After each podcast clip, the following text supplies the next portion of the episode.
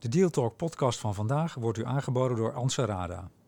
Sinds 2005 heeft Anserada al meer dan 23.000 transacties begeleid, waaronder M&A, kapitaalinjecties, desinvesteringen, herstructureringen en IPO's. Het nieuwe Anserada Deals zet een nieuwe standaard in dealtechnologie. De veilige dealsruimte omvat tools voor projectmanagement, AI-powered data rooms, speciale Q&A-faciliteiten en integratieframeworks. Anserada Deals is meer dan een virtuele dataroom. Het is een complete transactiemanagement-oplossing voor de gehele deal lifecycle. Start kosteloos op ansarada.com.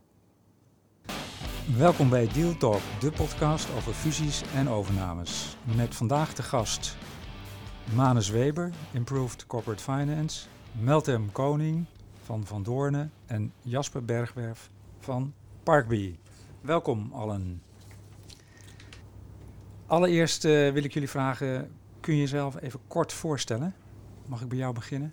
Ja, uiteraard. Uh, Manus Weber, uh, director bij Improved Corporate Finance. Um, nu inmiddels zes jaar actief bij de, bij de organisatie. wij zijn een corporate finance boutique die zich richt op technology, energy en mobility. Um, waarbij ik ja, verantwoordelijk ben voor de technology pillar. en ik hou me dus met name bezig om uh, eigenlijk uh, Dutch high growth technology companies um, ja, te linken aan uh, internationale investeerders, dan wel buyers, zodat de stakeholders hun ambities kunnen realiseren. enkele voorbeelden zijn bijvoorbeeld Visual Fabric, ehm, dat we gelinkt hebben aan, aan PSG, maar ook Vlinders naar United um, en United Wardrobe, wat verkocht is aan Vinted. Mooi, dankjewel. Meltem. Hi, mijn naam is Meltem Koning. Uh, ik ben partner corporate M&A bij Van Doornen. Van Doornen is een Nederlands advocatenkantoor gevestigd hier in Amsterdam. Um, en ik zelf uh, hou me met name bezig voor investeerders, vooral buitenlandse investeerders uit de VS en UK met name, die investeringen doen in innovatieve ondernemingen. En um, dat met name op het gebied van technologie. Maar uh, ja, uh, innovatie noem ik het vooral ook omdat uh, technologie tegenwoordig heel breed is. Um, en ja, um, veel beter geweest voor Getir, waar het nodig om te doen is. Um, ja, en hoop andere jonge ondernemingen de laatste tijd. Dankjewel.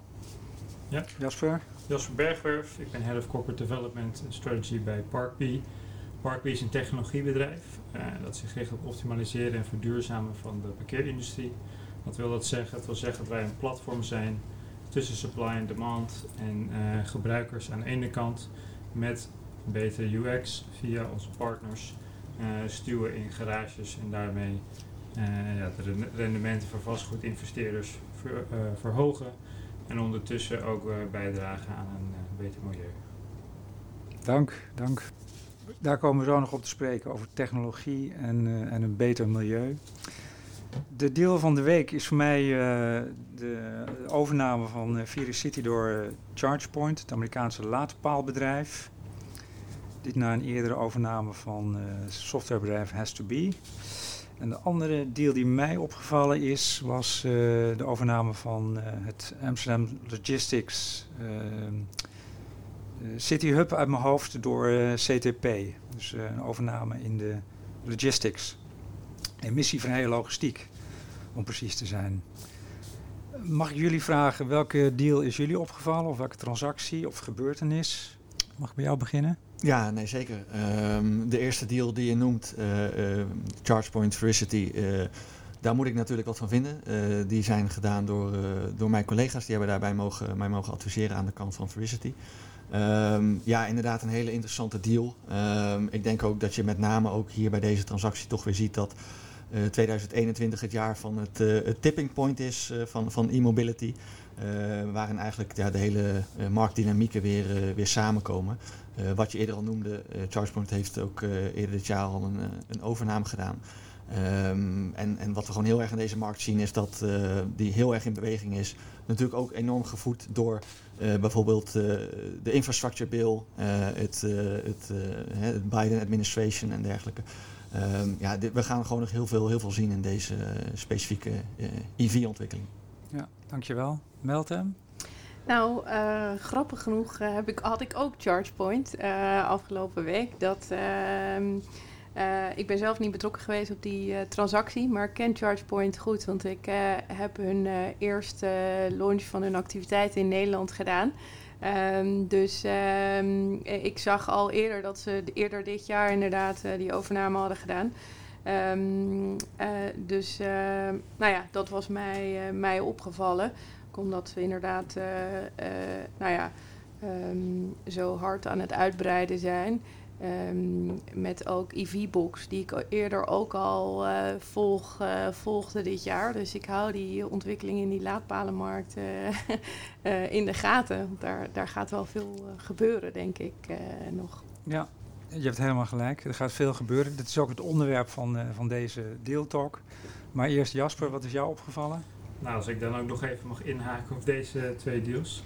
Uh, met betrekking tot de Logistics Hub, dat is overigens ook een locatie die wij uh, gaan optimaliseren. Uh, dus alle parkeergelegenheden daar gaan we ontsluiten en ja, optimaliseren.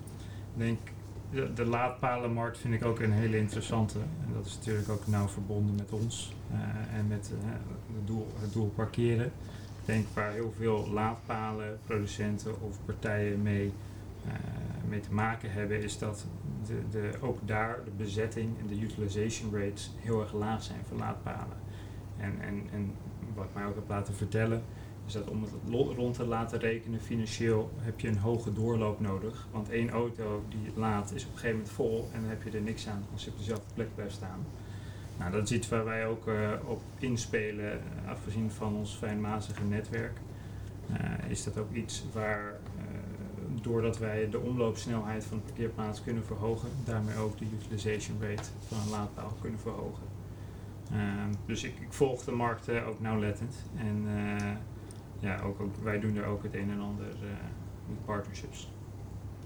Kun je ook een, een deal noemen die jou echt opgevallen is, met naam en toenaam? Ja, ja dus ehm, niet zozeer deze week of vorige week, maar die daarvoor. Dat is de overname van Europcar door PON en Volkswagen. Uh, nou, mooie naam, een Green Mobility Joint Venture noemen ze dat. Uh, nou, ik denk, ook dit is weer iets waar wij natuurlijk naar kijken, omdat wij ook zien dat als je op de langere termijn kijkt, autobezit daalt, zeker onder jongere generaties. Maar we weten allemaal dat het niet ten koste gaat van de mobiliteit. Uh, het is niet dat over mensen over vijf jaar ineens veel meer thuis gaan zitten. Dus ze zoeken naar andere manieren, andere alternatieven. En ja, PON is daar natuurlijk ook, met als Volkswagen, een gevestigde naam in. Dat zij ook hun uh, businessmodel een beetje naar de, de, de, leasing of de, de verhuur van de automarkt uh, stuwen. Um, en, en ja, dat is ook waar wij naar kijken, want wij geloven ook niet zozeer in, in het huren van een auto buiten eh, in een businesspark waar iedereen helemaal heen moet. Nee, die auto moet voor iedereen beschikbaar zijn. Dus in beginsel en bij voorkeur uh, in, in de binnensteden. Zodat als je hem nodig hebt, je niet eerst nog een half uur onderweg moet om te huren. Uh, maar dus ik vind het zeker interessant. Ja, 2,9 miljard. Mooi bedrag lijkt me. Ja, nou bedankt voor deze inleiding in het thema van vandaag. M&A in uh, nieuwe mobiliteit. We zien heel veel uh, dynamiek in deze markt ontstaan, hè, gevolg van COVID-19 en uh, de energietransitie die, uh, die gaande is en die ook op Europees niveau wordt, wordt aangejaagd. En het leidt tot allerlei veranderingen en innovaties in, in de manier waarop mensen elkaar ontmoeten of vergaderen op afstand, de mobiliteit en de manier waarop ze bediend willen worden hè, overdag. Uh, we zien uh, marktpartijen naar de beurs gaan. We zien uh, de opkomst van de specs. Kunnen jullie kort schetsen wat je ziet in de markt en welke trends jullie daarbij opvallen? Mag ik bij jou beginnen, Meltem? Ja, ja ik denk wat je vooral, wat wij zelf hebben gezien sinds het begin van, van de COVID-crisis, is inderdaad de enorme um, toename van investeringen en overnames in, in, in food, maar dan food mobility en, en, mobility. Dus ik, de eerste, ik zal, ik zal die niet vergeten, niet zo snel, want dat was echt precies de eerste dag dat we eh, de thuis, en moesten thuiswerken. En echt in, de, in de lockdown in Nederland waren we betrokken bij de investering in Van Moof fietsen. Um, die hadden een uh, investeringsronde en een investeerder, Balderton Capital, traden wij voorop. Uh, Britse venture capital investeerder. Um, en die hebben toen uh, enorme bedragen opgehaald in, een, in een Series A. Dat is dan zeg maar de eerste grote professionele investeringsronde. Um, echt midden in de COVID-crisis. En, en waarom zoveel geld? Hun waardering is toen ook enorm gestegen. Uh, om, uh, om dus die e-bikes in de Europese, in, niet alleen in Europa, maar bijvoorbeeld ook in VS uh, uit te rollen. Niemand kon weer natuurlijk met, met metro naar, naar zijn werk, maar dus wel, naar, wel e-bikes. Um, nou ja, en vanaf toen is het inderdaad e enorm die, de, de, de steps, daar DOT, dat, daar waren we ook bij betrokken. Ehm, nou ja, en vervolgens kreeg je de supermarkten, maar dan de, de, de innovatieve, uh, Crisp, uh, heb ik zelf ook aan gewerkt. Uh, Getir hebben we een aantal investeringsrondes gedaan. Maar wat je ook ziet is dat die um, in de Nederlandse markt de waarderingen ook in die tijd zijn gestegen. Daar waar we verwachten dat de markt ineens zou instorten, zag je ineens een hele grote grote interesse in deze Nederlandse technologiebedrijven door die buitenlandse investeerders, waar uh, voor ons normaal gesproken uh, onze markt en onze waarderingen zijn vaak te laag voor buitenlandse investeerders, voor Amerikaanse investeerders bijvoorbeeld, om uh, investeringen te doen in Nederlandse ondernemingen. Want onze ja, tickets zijn eigenlijk te klein. maar je merkte dat die waarderingen zijn gestegen. Dus werden we ook ineens heel toegankelijk voor, voor die grotere Amerikaanse investeerders. Uh, Molly bijvoorbeeld is een recent voorbeeld. Nou, echt een gigantische investeringsronde bijvoorbeeld. Uh, uh, maar ja, Getir, ik zelf dus ook. Die hebben een investering opgehaald van de laatste ronde van 700 miljoen. Wat is uh, Getir voor een soort bedrijf? Getir is een fast delivery service. waar het nodig om te doen is natuurlijk in Amsterdam. dus Amsterdam is het strijdtoneel van een aantal van die snelle bezorg, boodschappenbezorgservices. En uh, ja, Getir is daar een van. Het is van Turkse oorsprong, opgericht in Istanbul. Um, en uh, de founder eigenlijk van uh, Getir, uh, die hadden biertaxi. Dat is zeg maar een soort Uber in Istanbul. En die keken zo naar de kaart in, in, in, in, in Istanbul. En keken wat voor bereik ze hadden zeg maar, van de taxis via een app. En toen bedacht hij van, nou ja, als je taxis binnen binnen een paar minuten bij iemand thuis bezorgd kan hebben, hoe kun je dan niet uh, eerst uh, levensbehoeften eigenlijk binnen zoveel minuten uh, thuis bij mensen bezorgd hebben? Dus die heeft toen dat bedacht. En nou, in Istanbul een enorm succes. En ze zijn nu in andere Europese steden aan het uitrollen. En dus nu ook in Amsterdam. Ik vind het een hele interessante ontwikkeling. Want je ziet, hè, wat je zelf zei, dit hier, Flink, Gorilla's dat zijn inderdaad even de, in de media de grootste namen.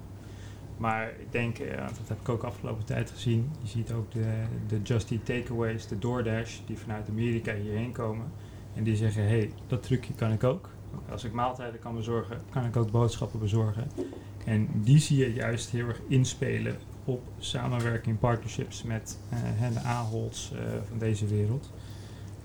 dus in de UK heb je dat gezien. Uh, en het interessante vind ik er ook bij, en dat is ook denk ik wel iets van de afgelopen jaren. Ik ben altijd gewend historisch gezien dat als je een overname wil doen, je het enigszins voor jezelf houdt. Uh, en de laatste tijd, en dit soort partijen zijn zo agressief in de markt dat ze ook als een soort open sollicitatie zeggen: jongens, iedereen die erbij wil komen, ik ben op zoek naar overnames. Ik heb net uh, eh, 3,5 miljard euro opgehaald met een IPO. Who's next? En, en uh, dat heb ik ook wel even, uh, dat is iets wat mij is opgevallen, meer of langere tendens. Ja. het is niet meer, ik hou het voor mezelf, maar het is echt, uh, iedereen ziet en mag het horen. Heeft natuurlijk ook te maken met de hoeveelheid kapitaal die beschikbaar ja, is in de markt. je ziet ook steeds meer dat, dat, hè, dat de M&A-strategie ehm, echt ook een pijler wordt voor, voor, voor corporates. Ehm, omdat zij dus op die manier ehm, ja, ook zeg maar rendement kunnen gaan maken. Ja, je ziet echt dat die investeerders in de rij staan voor deze partijen. Het is echt, uh, alsjeblieft, hier is mijn geld. Please, mag, ik, uh, mag ik meedoen in deze ronde? blanco check. Eh, echt. Ja, als je kijkt dan naar die flitsbezorgers waar je het over had. Ja. Dat is ook een beetje, hoe ze het noemen, een perfect storm. Dus eh, een combinatie van, ehm, hè, toen dat allemaal begon, eh, corona. Dus mensen die eigenlijk niet meer naar de supermarkt durfden of, eh, of wilden gaan. Ehm, daarnaast inderdaad de hoeveelheid kapitaal die beschikbaar is voor investeringen. Omdat de rentes zo laag zijn.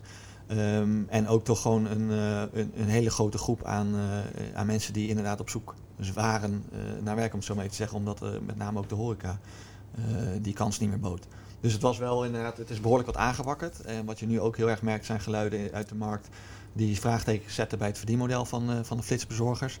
Ehm, en wat in ieder geval wel de strategie eh, op dit moment is, is om zoveel mogelijk marktaandeel te winnen. Want dit model werkt ook eigenlijk alleen maar bij eh, hele grote volumes. Dus dat is wat je nu heel erg ziet gebeuren. En dus Ja. zie je een gateer die astronomische bedragen ophaalt. Ehm, maar goed, het is inderdaad de vraag hoe zich dit verder ontwikkelt.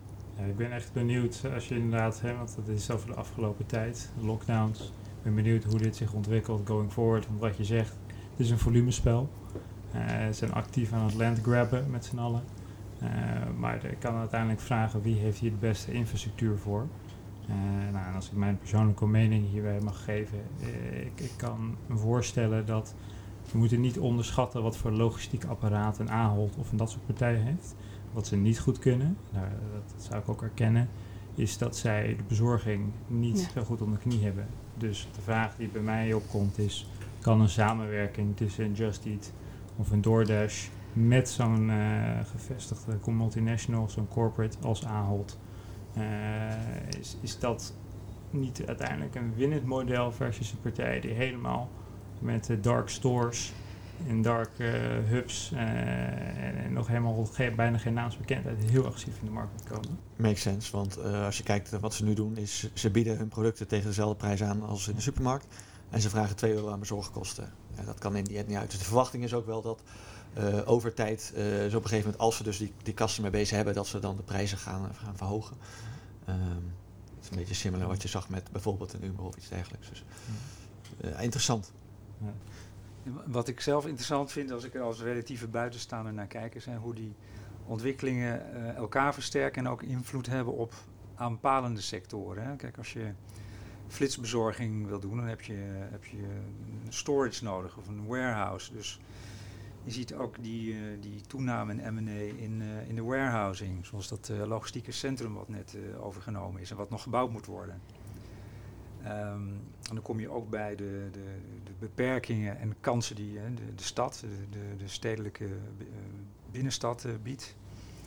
Want ik, grappig om te horen, eh, Parkbee noem je een technologiebedrijf. Ik denk Parkbee, ja, mobiliteit, oké, maar ook parkeergarages. Ja.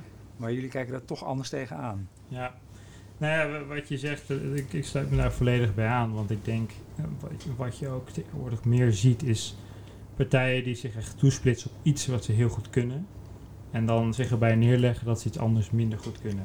Dus de vraag is, en dat kwam dus ook op het punt wat ik net aanhaalde, moet je willen dat je zowel aan zeg maar, logistiek en aan de boodschappen aan de- in die dark stores en in, in de bezorging excelleert. Of moet je je dingen splitsen en erkennen dat je goed bent in heel iets. Eh, en misschien ook wel in iets anders, maar dat je daar erkent dat er anderen zijn die het misschien nog beter voor zijn. Eh, en en nou, bij Parkbee, wij zijn heel goed in optimaliseren.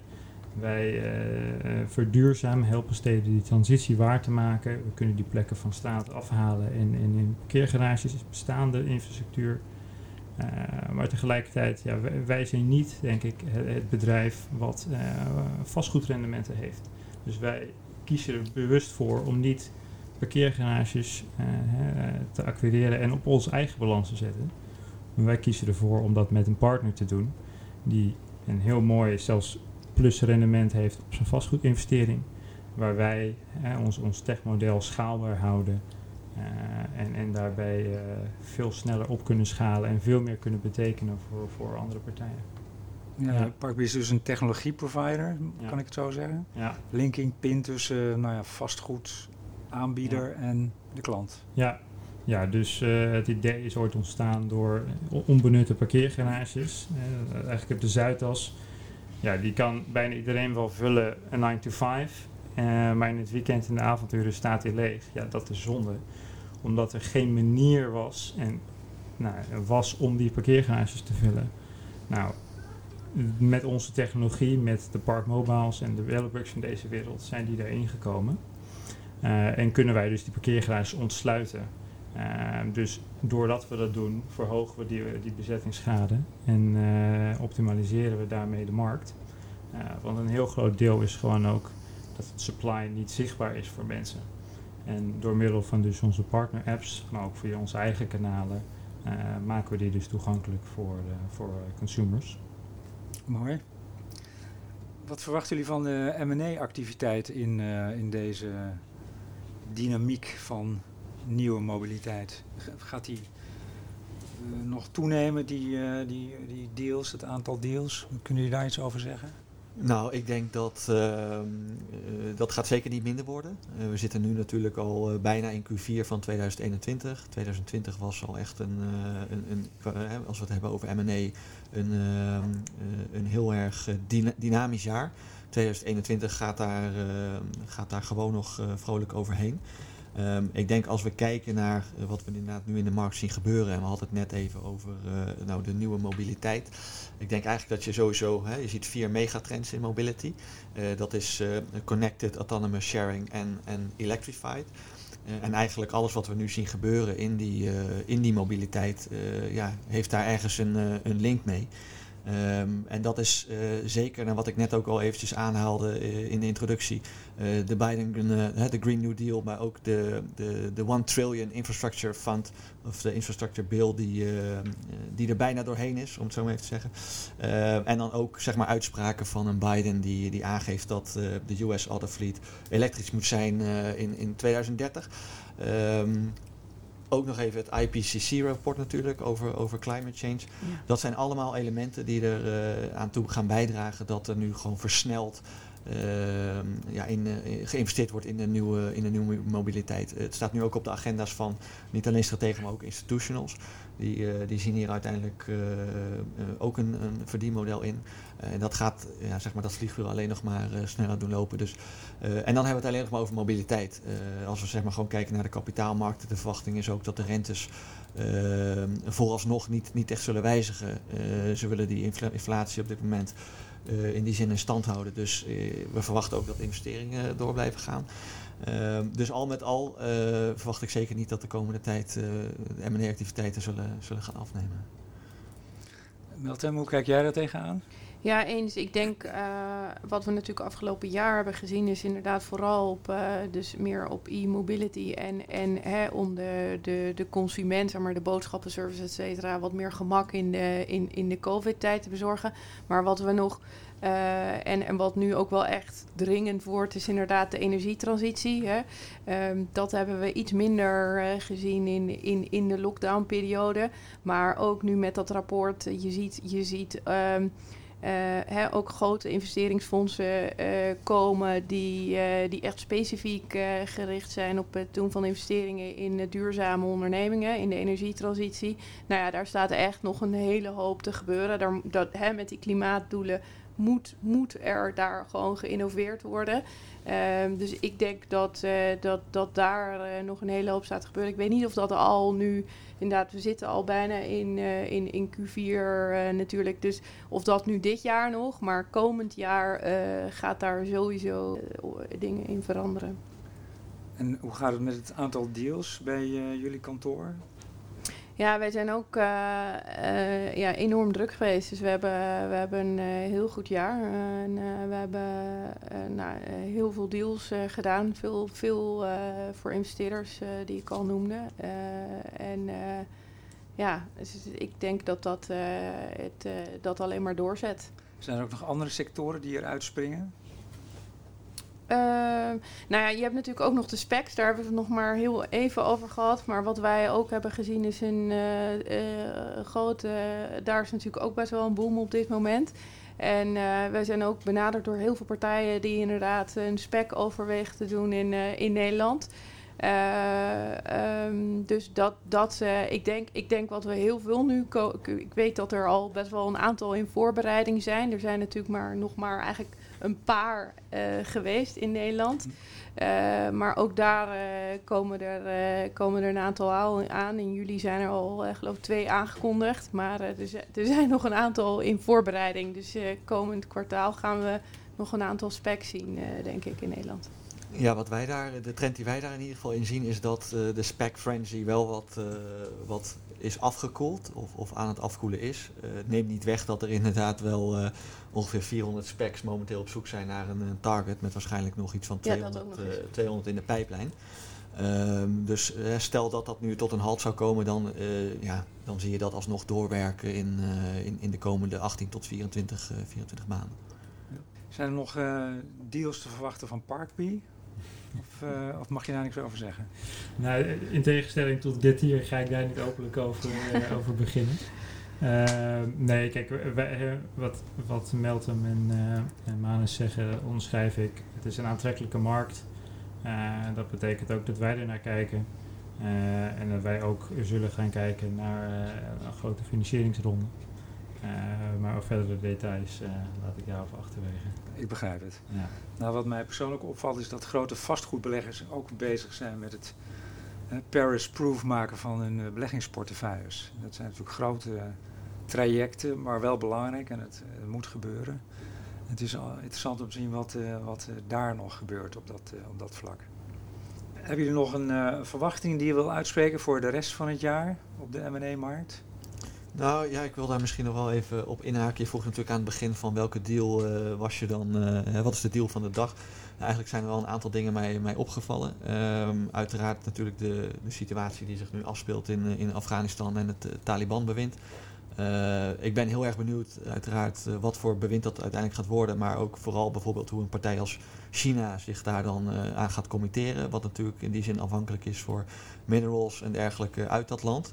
en wat dat voor eventuele spanningen met zich teweeg, brengt en hoe dat dan zich dan doordringt in uh, de rest van de markten. Um, wat ik op zich wel uh, interessant vond om te zien ook, is dat vervolgens in het buurland, in Pakistan, is daar nu een, uh, een, een ronde opgehaald. Het, het, heet Airlift en dat is eigenlijk ook een flitsbezorger zoals, zoals Getir. die hebben 85 miljoen opgehaald en dat is meteen ook de, de grootste visierronde van dat land. Uh, met andere woorden, dat gaat wel gewoon door. Uh, en ook die, die technologische ontwikkeling uh, speelt daar ook gewoon een, een, hele belangrijke rol. Ehm, en verder om nog even in te haken op ehm, nou ja, die, die, die M&A-ontwikkelingen op het gebied van mobiliteit. Ook in Brazilië heeft Covi nu een, een 104 miljoen, 104 miljoen fundraising gedaan. En wat, ze daar eigenlijk, uh, wat je daar met name ziet, en daarom wil ik dat even aanhalen, is dat uh, Latin America loopt eigenlijk gewoon 20, 30 jaar achter op het gebied als, als je kijkt naar technologische ontwikkeling. Dus niet alleen op het gebied van mobiliteit, dus ze gaan nu proberen om car ownership toegankelijk, te maken, toegankelijk te maken voor de hele bevolking. Het schijnt dat 70% daar geen eigen auto heeft, omdat het gewoon heel erg kostbaar is daar.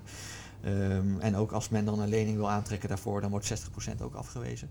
Uh, maar zoiets zie je bijvoorbeeld ook in de, in de fintech-space uh, daar. Dus dat zijn sowieso, als we het hebben over M&A-trends, uh, verwacht ik daar nog heel veel, dat daar heel veel gaat gebeuren. Dat is wel interessant om in ieder geval ja, te tracken, op het, op het zo maar even te zeggen. En, dat, en Covi noem je die naam? Wat, wat ja. is Covi voor bedrijf? Ja, Covi is dus een, een platform eigenlijk. Die hebben samenwerkingen met, met OEM's. Um, en zij maken het eigenlijk mogelijk dat je gewoon een auto gewoon, eigenlijk ja, kan pay-per-use, om het zo maar even te noemen. Ah, Oké, okay. dus een mobiliteitsplatform Precies, ja. voor, de, voor de consument. Ja. Mooi. Dan dank ik jullie hartelijk voor je bijdrage. en dan sluit ik deze podcast. Hartelijk dank. Dankjewel. Dankjewel. U heeft geluisterd naar Deal Talk. De Deal Talk podcast van vandaag wordt u aangeboden door Ansarada. Ansarada Deals is meer dan een virtuele dataroom. Het is een complete transactiemanagement oplossing voor de gehele deal lifecycle.